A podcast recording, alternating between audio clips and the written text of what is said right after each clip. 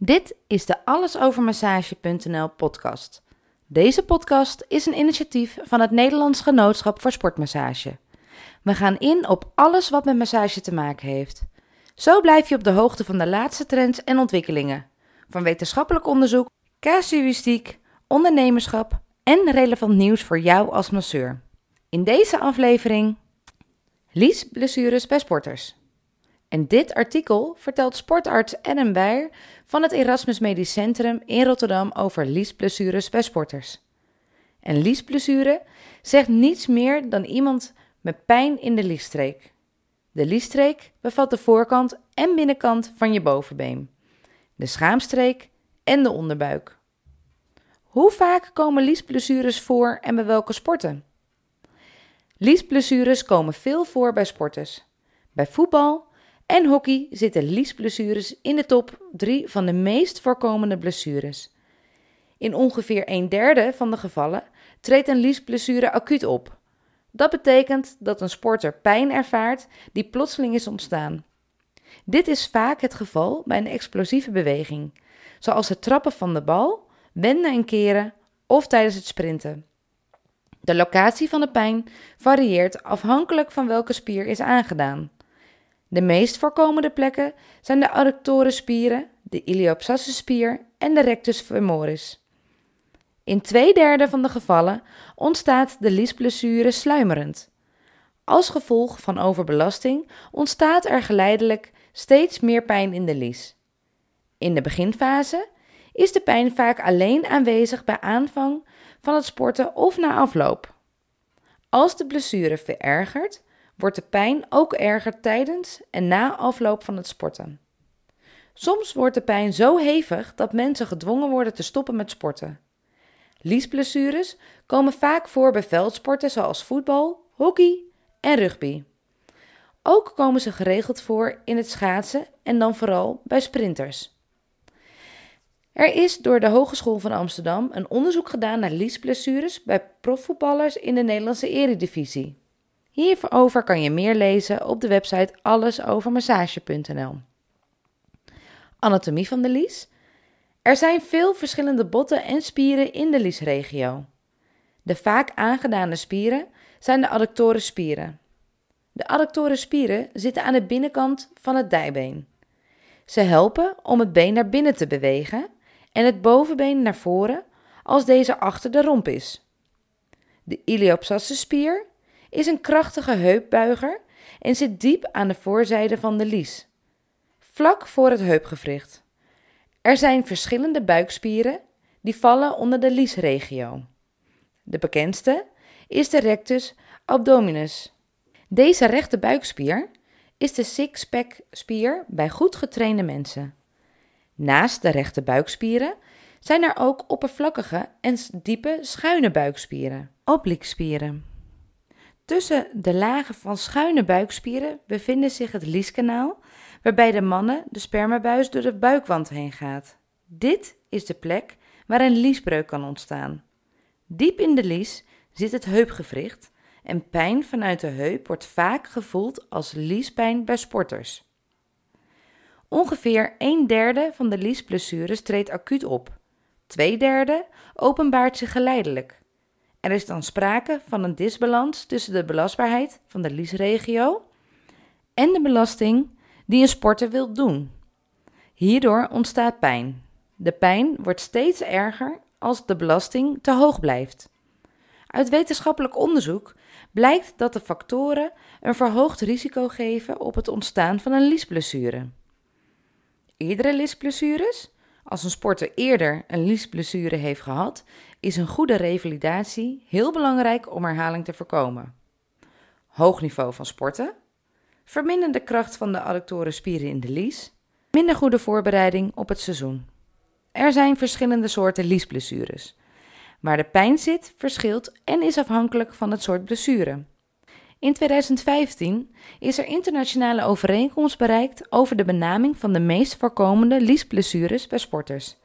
Dit helpt zorgverleners onderling om in huidige taal richting de sport te communiceren en het vermindert het risico op verwarring. Meest voorkomende liesblessures.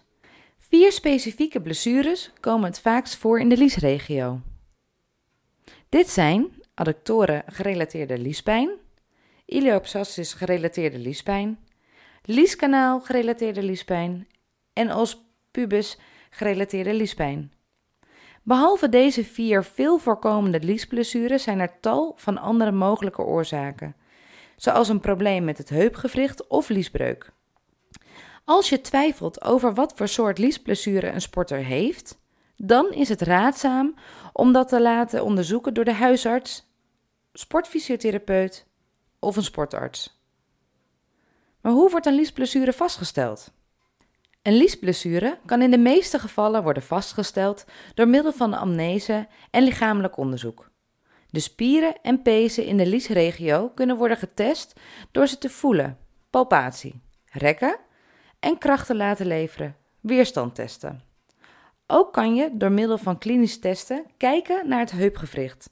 Slechts als er twijfel is over de soort blessure of als er een vermoeden bestaat van een ander soort liesblessure, bijvoorbeeld een vermoeidheidsbreuk of van het bovenbeen of een liesbreuk, zal verdere beeldvormend onderzoek noodzakelijk zijn. Het maken van een röntgenfoto, echo of MRI-scan is dus lang niet altijd nodig.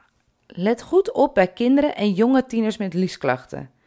Dit zou kunnen wijzen op een groeiprobleem in de heup. Ook mensen met bloeduitstorting na acute liesblessures moeten nader worden onderzocht. Dit kan namelijk duiden op een grote spier of peescheur. Verwijs deze cliënten laagdrempelig door naar de huisarts. Behandeling. In het geval van de vier meest voorkomende liesblessures bestaat de behandeling in eerste instantie uit trainingsaanpassingen en oefeningen, waarvan een aantal hieronder wordt beschreven. Dit kan ondersteund worden met massages. Trainingsaanpassingen. Aan de hand van de ernst van de liespijn tijdens en na afloop van het sporten zal de trainingsbelasting aangepast moeten worden. Sporten zou alleen maar lichte pijn mogen geven.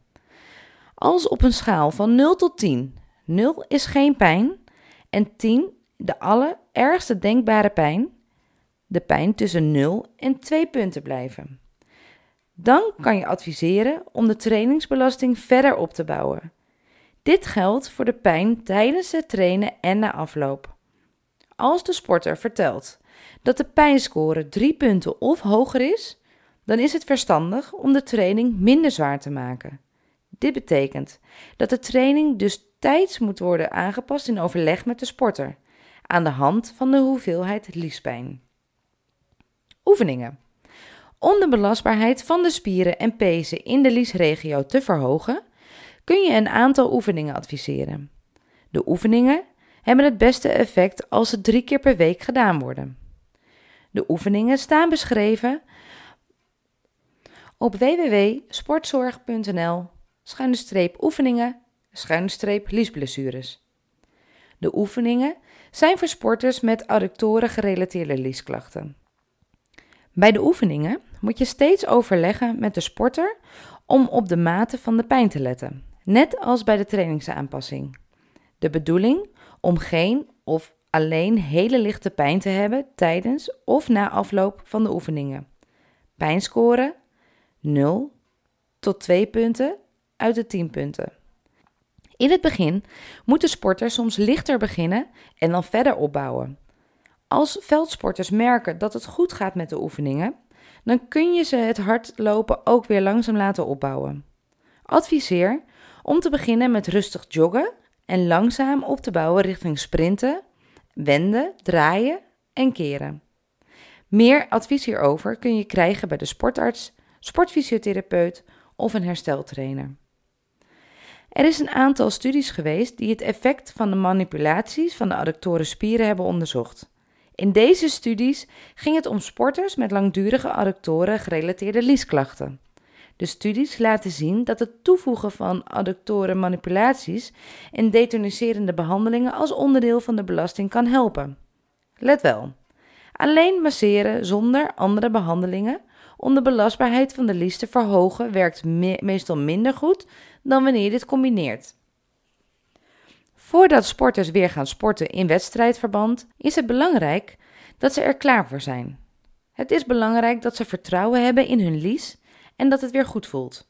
Adviseer om ze drie keer een normale training te laten doen op het niveau van voor de blessure. Als de sporter voldoende is hersteld, moeten de klachten niet toenemen tijdens of na deze trainingen. Pas als deze trainingen goed zijn gegaan, kun je ze adviseren om weer aan wedstrijden te beginnen. Als je twijfelt, raadpleeg dan eerst een sportfysiotherapeut of een sportarts. Bedankt voor het luisteren. Abonneer je nu snel bij Apple Podcast en Spotify om als eerste de nieuwe afleveringen te horen. Tot de volgende keer.